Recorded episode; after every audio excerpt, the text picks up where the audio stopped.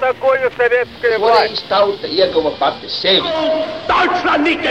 Liktenīgas nejaušības un slēptas likumsakarības, subjektīvas patiesības un objektīvi aizspriedumi.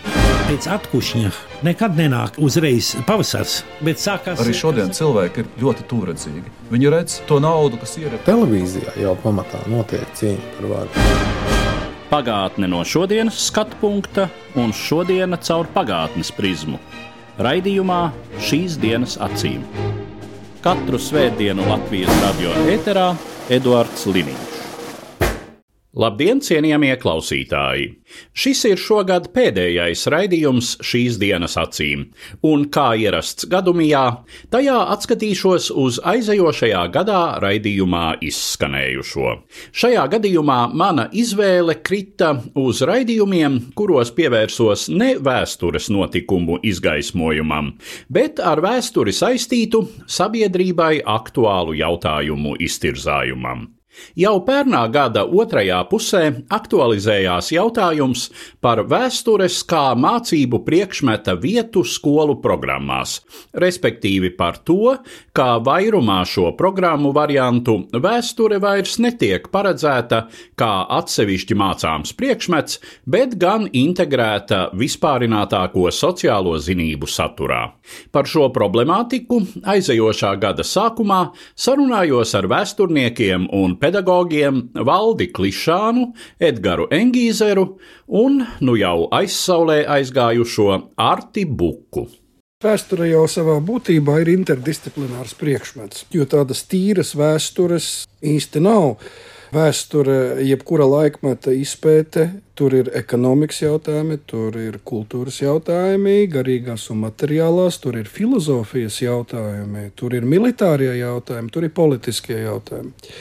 Beig, beigās ķīmija un fizika mums jāzina. Jā, jā, un uh, vēsture ir starpdisciplinārs priekšmets, un es aizmirsu geogrāfiju pateikt. Vēsture bez geogrāfiskās telpas vispār neeksistē. Un tagad šo priekšmetu, kas jau ir pats starpdisciplinārs, vēl vairāk mēģināt integrēt kaut kādā veidā. Nu, es, es godīgi teikšu tā, es redzu vēsturē diezgan cieši sastētas filozofiju. Filozofiju var mācīt divos veidos. Var mācīt kronoloģiski, vēsturiskā, kā šī doma ir attīstījusies. Un filozofiju var mācīt balstoties uz problēmu pieeju. Es domāju, ka vēsture ļoti labi kaut kādā veidā iet kopā ar filozofiju, apgūstot dažādus vēsturiskos laikmetus. Mēs varam arī skatīt, kādas bija, teiksim, domas par pasauli tajā laikā. Es domāju, ka vēsture iet diezgan labi kopā ar reliģiju. Es domāju, nevis reliģiju tādā teoloģiskā izpratnē, bet reliģiju kā laicīgu disciplīnu, jo visu mūsu kultūru jau patiesībā nosaka reliģiskais mantojums. Un, protams, arī politikas vēsture. Nu, vēsture vienmēr būs politikas vēsture, lai ko tu nemācītos. Tā tad viņš jau iet kopā, bet tagad vēsture kaut kādā veidā mākslīgi vēl mēģināt saintegrēt ar biznesa ekonomiskajiem pamatiem. Nu, ziniet, es būtu tomēr skeptisks. No malas vērojot tos argumentus, kāpēc vēsture kā atsevišķs priekšmets jāsajūtas kopā ar sociālajām zinībām, man radās tāda analoģija, ka paņemam santehniku, paņemam medicīnu. Santehnikai ir trubas, medicīnā asinsritē, asinsvada arī trubas. Tātad santehniķi var pasniegt medicīnu, jo princips tas pats šķidrums plūst pa trubām. Un jebkurš sociālo zinību skolotājs viņš māca vēsturi, zeme atveries. Varbūt ir liederīgi arī atcerēties to, ka sociālās zinātnes vai sabiedriskās zinības, kā viņas kādreiz sauc, viņas jau atvasinājās no vēstures ļoti ilgu laiku atpakaļ, bet tā vēsture ir bijusi klātesoša pašos pirmsākumos. Un šobrīd, ja mēs skatāmies, vai tā būtu socioloģija vai tā ir politoloģija, mēs runājam par modeļiem, kuros tiek iekārtota sabiedrība, ielikt zināmā tādā rāmītī, un vēsture tiek izmantot, lai pamatotu. Bet uh, es domāju, ka arī klātsošie kolēģi vēsturnieki piekritīs, ka vēsturē ļoti svarīgs ir arī gan subjektīvais, gan nejaušības faktors un, un tāds modelis, vēsturiskais, vienīgais patiesais un, un realistiskais, viņš nekad nav pastāvējis. Un līdz ar to tas, kur liela atšķirība starp sociālajām zinātnēm un vēsturi pagātnes interpretācijā ir. Vēsturē mēs skatāmies uz to, kā bija, bet sociālajās zinātnēs skatās, kas no tā, kas bija, ir novedis pie esošās situācijas un, zināmā mērā, to paskaidro. Kaut gan, ja mēs paskatāmies uz vēsturi, kāda viņa ir bijusi, kā strīdus objekts tieši arī mācību priekšmetu sakarā, katru reizi mēs redzam, ka tie strīdi ir izteikti politiski. Izteikti ideoloģiski, un mēs arī šobrīd diskusijā daudz dzirdam par vēsturi kā pilsoniskas sabiedrības vai patriotiskas sabiedrības veidošanas pamatu, kas neapšaubām tas tā arī ir. Bet ar ļoti lielu bet, ka tas nebūtu nav vienīgais un varbūt nesvarīgākais vēstures uzdevums. Ja mēs skatāmies, ko mēs no šī priekšmeta gribam dabūt, vai mēs gribam dabūt sabiedrību, kas var pielasīt vēstures faktus, kas pamato kaut kādu modeli, vai mēs ar vēstures zināšanām radām domājošu sabiedrību, jaunradošu sabiedrību, tā skaitā runājot arī par identitāti, par piedarību. Nacionāla valsts jau nav tas vienīgais rāmīts, kur vēsture ir ļoti svarīga. Īstenībā arī ģeopolitiskā orientācija ir izteikts vēstures izpratnes, ja pagātnes izpratnes rezultāts. Kurā pusē mēs esam? Kas ir labs, kas ir slikts? Arī šajā karā mēs redzam, kā vēsturi, kā domas virzītāju, vai latviešu sabiedrība vai Latvijas tauta ir Eiropas vai kaut kā cits sastāvdaļa. Tas viss mūs aizved principā uz vienu, uz kā mēs tulkojam, kā mēs saprotam, kā sabiedrība to, kas ar mums ir noticis pagātnē. Jā, tas man tieši vairāk uztrauc, ka par vēsturi skolā, nu, izglītības sistēmā, teiksim tā, spriež nevis kā par zinātni, domāšanas veidu, kaut ko apgūst, kā mēs rekonstruējam, kā to dara, kā tas notiek, bet kā gatavu formulu krātuvi, kurai esot jāveicina patriotismu, jāveicina valstiskumu un tam līdzīgi. Un es godvārds neesmu pārliecināts, ka pēc ziņa, kā zemgaļi brauc mājās no sirojuma pa turētas lībiešu zemēm, pilnas ragavas piekrāvuši ar nocirstajām lībiešu galvām, ļoti veicinātu mūsu patriotismu. Vēsturē patriotismu vispār pat nav sakara. Ja tā ir zinātne.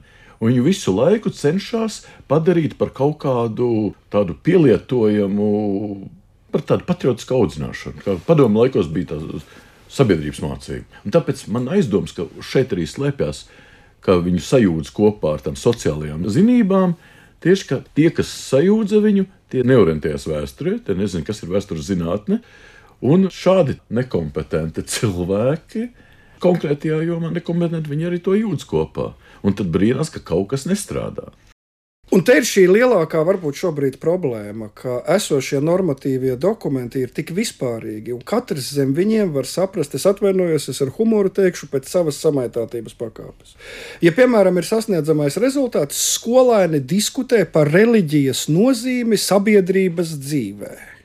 Nu, mēs taču varam saprast, par reliģijas nozīmi var diskutēt pat vēl vispār pirms vēstures kursa. Nu, ja bērns ir redzējis baznīcu, bijis vecāku aizvest uz Ziemassvētku dievkalpojumu, viņam būs kaut kāds viedoklis. Bet ko tas nozīmē konkrēti, un te ir tā pati lielākā, es domāju, šīs projekta izglītības reformas problēma, ka viss ir aprakstīts vispārīgiem vārdiem, bet tas viss nav mērāms. Tam nav laika, sarežģītības un kaut kāda rāmja. Tās ir vienkārši tādas kā frāzes.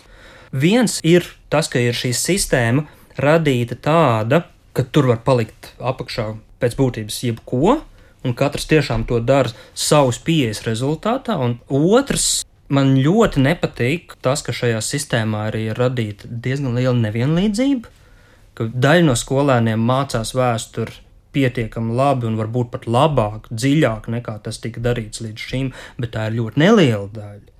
Ļoti maza. To padziļināto kursu izvēlās. Es pat neesmu dzirdējis paziņu lokā, skolotāju lokā. Neesmu dzirdējis, ka kādā skolā vienmēr izvēlās vieglāko ceļu. Un tā problēma ir tāda, ka tas vieglākais ceļš ir nevis skolēniem, bet skolotājiem, kas nezina šo priekšmetu pietiekami labi. Jo skolēni, cik es ar viņiem esmu strādājis, arī pēc tam, kad viņi nonāk augstskolā, kā pirmo kursu studenti, lielākā daļa, sevišķi skolā, viņi grib iegūt zināšanas. Un tajā brīdī, kad šīs zināšanas tiek pamazām skrāpētas no priekšmetu laukā, tad viņi nonāk tādā ļoti nelāgā situācijā. Un, teiksim, tad, kad es mācījos skolā, tad bija garantija, ka tā ir valsts skola, tur ir standarts, tur ir programma. Un neatkarīgi no tā, vai tu esi pabeidzis lielu pilsētas centra skolu vai mazu lauku skolu, tas saturs plus mīnus būs salīdzināms. Šobrīd absolūtais vairums tiek samazināts. Un tajā brīdī, kad uh, augstskolā, piemēram, es nerunāju par vēsturniekiem, es runāju par juristiem, teologiem, māksliniekiem, žurnālistiem, ļoti plašs spektrs sabiedrības. Nonāk cilvēki, vieni, kas ir mācījušies tā ļoti vulgāri vispārinot, vienu stundu nedēļā, un citi, kas ir mācījušies divas stundas nedēļā. Tas rada ļoti netaisnīgu sabiedrību. Un tas nav stāsts tikai par vēsturi. Bet varbūt tas ir normāli. Jebkura sabiedrība, sākot no akmens laikmeta, ir stratificēta Un, ja mēs ticam pareto principam, tad tikai 20% populācijas ir spējīga uz intelektuālu darbību. Bet tad lūdzu politiķi, kas lēmj par vēstures vai jebkuru izglītības saturu skolā, to godīgi arī pasakiet. Ka, ja jūs izvēlaties dzīvot mazā pagastā, lūdzu, vai nu finansējiet paši savu skolu, vai nu saprotiet, ka jūsu bērni būs šajā sabiedrības kastītē. Es nedomāju, ka tas ir ceļš, uz kuru demokrātiskajai valstī būtu jāiet.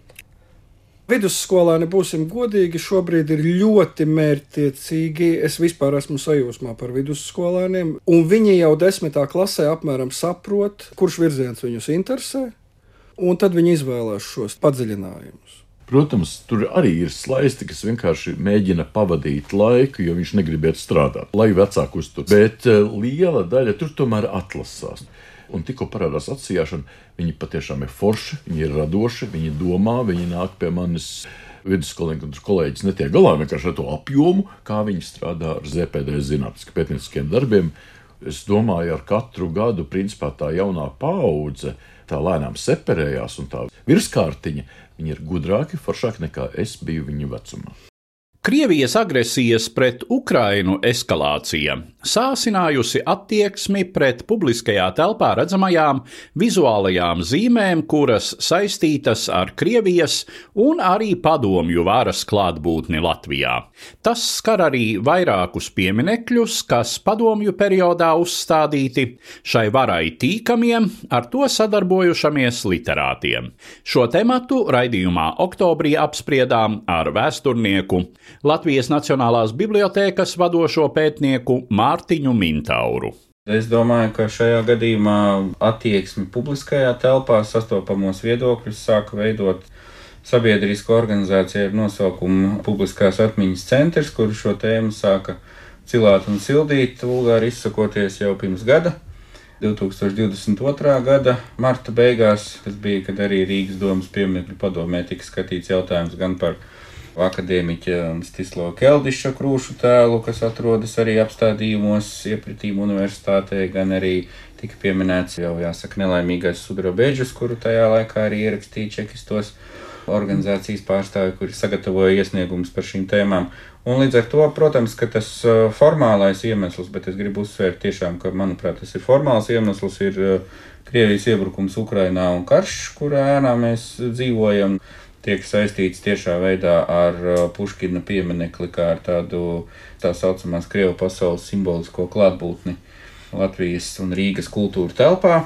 Bet, uh, kas attiecas uz pašmāju klasiķiem un literātiem, kuri vai nu ir vai nav iegūši klasiķa statusu, tad, protams, manuprāt, tās ir atskaņas no dažādām neizrunātām tēmām, kuras netika izrunātas 90. gadu sākumā padomju režīmam, beidzot savu pastāvēšanu un atjaunojot Latvijas valsti. Tajā brīdī arī bija teiksim, pirmā fāze vai pirmais posms tam, ko daži Rīgas domas deputāti šodien sauc par mājas tīrīšanu vai kādos citos metaforiskos apzīmējumos. Mēs gribam iztīrīt savu kultūru telpu no objektiem, kas mums nav pieņemami, bet ja mēs konsekventi šo domu turpinātu un ievērotu vienmēr un visos apstākļos, tad visticamāk, ka mēs dzīvotu tādā līdzenā laukā bez uh, daudzām kultūras un piemiņas zīmēm, kuras laika gaitā ir uzkrājušās. Es domāju, ka tagad uh, tas, kas pašreiz notiek, ir ne tik daudz diskusija par lietas būtību, ko tad ir labu un sliktu darījis Andrejs Upīts vai Anna Sakse, Bet uh, tas ir uh, mēģinājums nedaudz vulgarizējot, varētu teikt, ka cilvēki, kuriem skolā lika lasīt zaļo zemi, pašreiz atriebjas Andrejam Upītam par šīm ciešanām. Tas, protams, būtu tāds ironisks skatījums uz visu šo lietu, bet nopietni runājot, tās ir identitātes problēmas un jautājumi, kas nav līdz galam izrunāti, un tagad pēkšņi tas ir kļuvis aktuāls.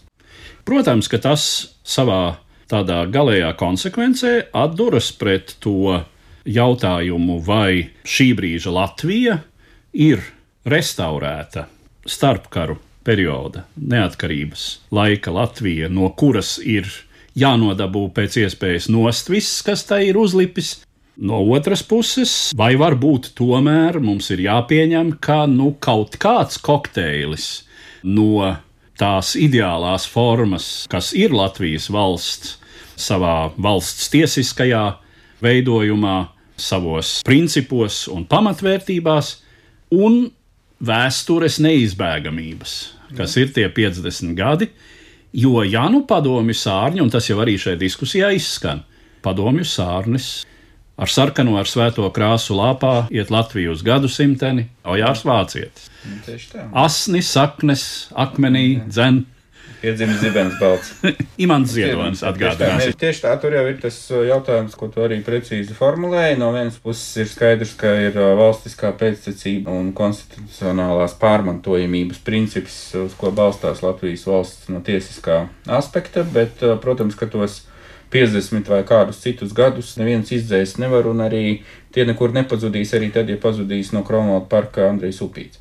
Bet tas motīvs, ka acīm redzot, šie pieminekļi mums rāda kaut kādu spoguli, kuru mēs īsti negribam redzēt, vai kas mums šķiet traucējošs, vai kaut kādā mērā atgādina par lietām, kuras mēs negribam atcerēties. Nu, tad var atcerēties savukārt Nikolai vai Mikolas Gogoļa revidenta epigrāfu, ar ko sākas Lūgas, starp citu, Andreja Upīša tulkojumā izdot pēc otrā pasaules kara. Nevainojiet spoguli, mūsu pašiem šķīps. Cik nu tas šķīps, nešķīps, nešķībāks kā jebkuram citam, kas šajā ģeopolitiskajā telpā, To mēs droši vien varam mierīgi teikt. Nu, protams, jā. Un līdz ar to nu, būtu tikpat mierīgi arī tajā spogulī jāspēj paskatīties.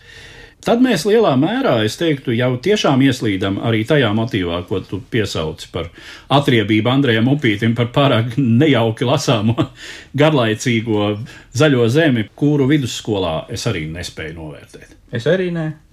Pēc tam, tad, kad tu to izlasi 20 gadu vecumā, tad tu saproti, ka tas ir viens no izcilākajiem, jebkad latviešu valodā uzrakstītajiem tekstiem, gan no literārā, gan no valodas kvalitātes viedokļa. Un man, kā latviešu filologam, situācija šķiet komfortabla, kā apmēram puskilometra radiusā tas iznāk, nu, ir pieminekļi trīs izcilākajiem, ko nozīmē izcilība mākslā. Nu, tas ir nosacīti, Jā. bet tādām procesu pareizi simbolizējošām figūrām. Dzēja, kuru primāri personificē Rainis, dramaturģija, kuru primāri personificē Blaumanis, un proza, kuru primāri personificē Andrejs Upīts. Tieši tā. Tas secinājums neizbēgami ir tāds, ka šai pieminekļu liktenī ļoti daudz ko nosaka aktualitāte. Un vispār konteksts, ka teiksim, tas pats teksts, tas pat, pats konkrētais vēstījums Jā, tas pilnīgi izdzēšams nav, bet, piemēram, atkal atgriežoties jau pie tā paša Andreja Upīša, lietas tālāko gaitu noteiks tas, kurš vēstījums būs aktuālāks sabiedrības vairumam, neatkarīgi no objektivitātes. Un literatūra vēsturnieki un biogrāfijas pētnieki, memoriālā muzeja darbinieki varēs sausu muti skaidrot, ka upīša izcilība literatūrā Upīša nopelnīja latviešu valodas izkopšanā un attīstībā ir tik nozīmīgi, ka nu viņš ir pelnījis, vai vismaz nav pelnījis, lai gāž nost. Vēl ir tāda lieta kā konjunktūra. Un tas, ko mēs redzam, es domāju, upīšu gadījumā, pilnīgi noteikti nu, tā ir konjunktūra, ka viena daļa sabiedrības, lai kādi būtu šo aktīvistu motīvi, nu, viņi izmanto šo brīdi, lai atgādinātu par sevi, lai pazīmētos sociālajos tīklos un publiskajā telpā, lai liekureiz apliecinātu savu valstisko nozīmi. Tāpēc, diemžēl, tā arī ir, ka viedoklis par to, ka Upīša nopelni latviešu kultūrā, literatūrā un valodniecībā ir daudz lielāki par viņa grēkiem kolaborācijā ar padomi režīmu, kur arī, protams, bija bet ir kaut kādas proporcijas darbības vērtējumā. Var 35. reizi atcerēties Knuta Hansona piemēru, bet upīšu kontekstā tas ir vēl jau vairāk vietā, manuprāt, tāpēc, ka, lai vai kā, nu, Hamsuna, teiksim, kolaborācijas līmenis ar nacistu režīmu Norvēģijā bija daudz augstāks nekā upīšu kolaborācijas līmenis ar padomju režīmu. Kas notiks tālāk? Labi, nogāzīs vai pārvietos upīti, vai tā diskusija turpināsies, vai arī tas viss beigsies ar to, ka norēģējām uz situāciju un jaunus nemeklēsim. Ja? Nu, te tikko bija ažiotāži par sacerējumu attiecībā par Raņa biogrāfiju, un Raņas ir nākamais. Paveicās tādā ziņā, ka nomira, Jā. bet uh, tautas rakstnieku piekabināja. Proletariāta dzinieks. Ja gribēs atcerēties ne tikai Daugavu 19. gadā, bet atcerēsies arī tev pamatšķira un visus attiecīgos zejoļus. Un ja mūsu ikdienas klimats būs tikpat alerģisks pret kaut kādām kreisajām idejām, nu tad tur vajag tikai kādu, kurš pirmais atver muti par šo tēmu. Tēmātu par padomju perioda literātu darbības vērtējumu mūsdienās turpinājām vētīt arī divos raidījumos, kas izskanēja decembrī. Bez Mārtiņa Mintaura un manis tajos piedalījās arī literatūra vēsturnieks, Latvijas Universitātes latvistikas un baltistikas nodaļas profesors Ojārs Lāms. Kāpēc mums par to vispār ir jārunā, kāpēc tas ir svarīgi? Un man liekas, ka tomēr ir tā laiku saikne, un mēs tā kā nākam no tiem laikiem, un lielā mērā tā laika izvēles nosaka mūsdienu izvēles. Un šeit es gribētu teikt, ka arī žurnāls Domu zīme ir devis varbūt tādu ievirzi un diskursu pirms kādiem numuriem publicēju tāda eseja bija, vai Latvija var labāk. Edmunda Krastīņa. Edmunda Krastīņa, jā. jā. Un tas ir arī tāds jautājums, ko mēs vispār diezgan bieži tagad uzdodam, jo konstatējam, ka Latvija dažādos rādītājos atpaliek gan no kaimiņiem, gan, teiksim, tajā visā postsociālismu telpā. Protams, varētu arī nošķirt to lietu, vai mums tas jautājums ir jāuzdod, jo no otras puses mēs varam teikt, ka Latvija piedzīvo tādu ekonomisku un labklājības uzplaukumu, kādu tā nekad nav piedzīvojusi, un to var tepat Doma laukumā redzēt, ka šis tirdziņš piedāvā tādas gastronomiskas izklaides un iepriecinājumus, un par tādām cenām, kuras pirms gadiem varbūt liktos pilnīgi neiespējamas. Bet tas būtu atkal cits jautājums. Bet, ja mēs jautājam, vai Latvija var labāk, tad man liekas, tur ir ļoti cieša saistība arī ar tām izvēlēm. Un man liekas, ka tas gļēvums, tā nevarība, tā bezprincipialitāte, kas nāk no daudzu tā laika cilvēku izvēlēm, ka tas ir pārmantots, ka tā laika komunisti iekļuva jaunās Latvijas celtniecībā, pieļāva visas tās kļūdas, kas ir pieļautas un kas joprojām tiek pieļautas. Un tas ir tas, kāpēc man liekas, ka ir svarīgi par to runāt un vērtēt, un kritiski uz to skatīties, kādu tas ir iespaidu atstājis uz kaut kādu, varbūt, teiksim, jā, mūsu tādu kolektīvo apziņu. Te gan uzreiz es gribētu piebilst, ka tas nekādi neizskaidro, kāpēc Latvijas rādītāji ir sliktāki par Lietuvas un Igaunijas rādītājiem. Jo mēs nekādi īsti nevaram teikt, ka Lietuvā vai Igaunijā būtu bijuši citi ļaudis pie darīšanas. Es domāju, ka tās atšķirības neizriet no kādas Latvijas neadekvātākas domāšanas. Bet tur ir pavisam konkrēti, pavisam kvantitatīvi un arī geogrāfiski apstākļi, kāpēc tas tā ir.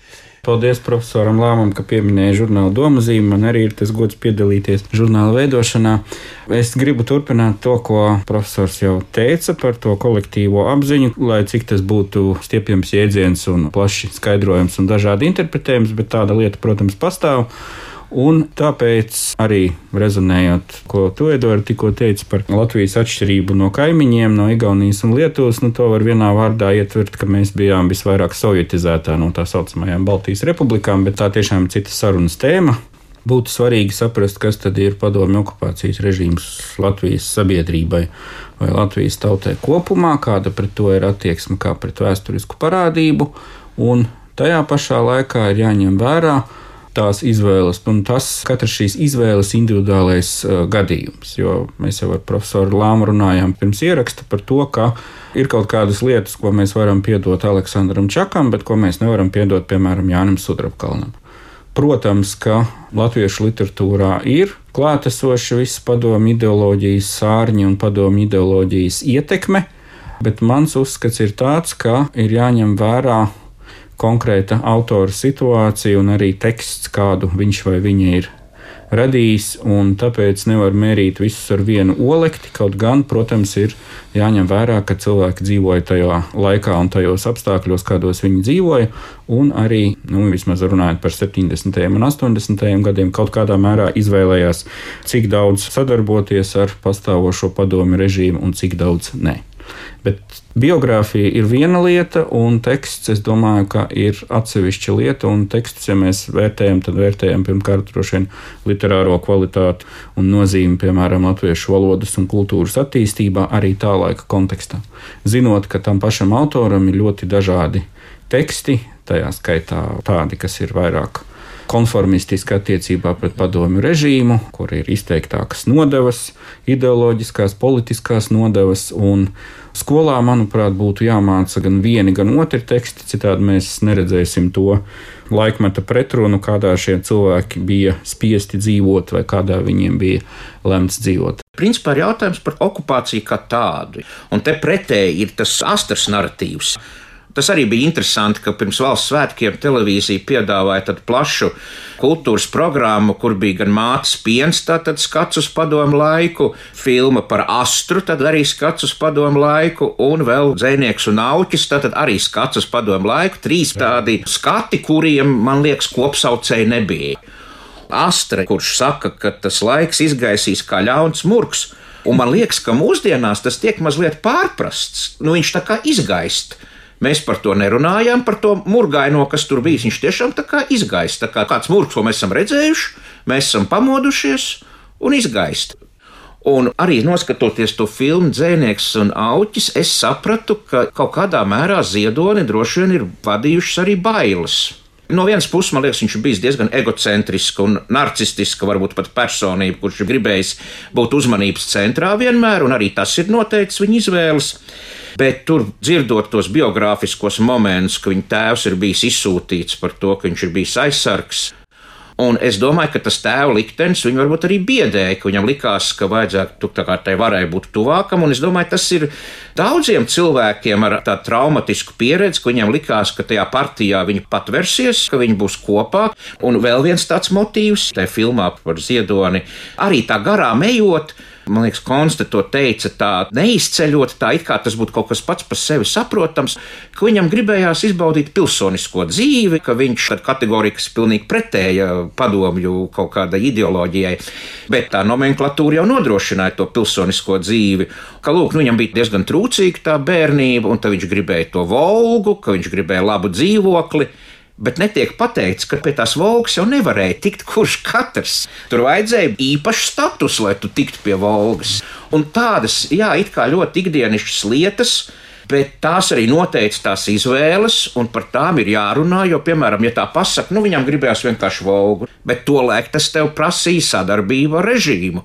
Jā, bet es uzreiz gribu teikt, Volga un pat rakstnieku poliklīnika varbūt ir tomēr otršķirīgi, un tas galvenais, pie kā varēja tikt, un pie kā nevarēja tikt, ja tu demonstrēji režīmam naidīgu, pretišķīgu nostāju.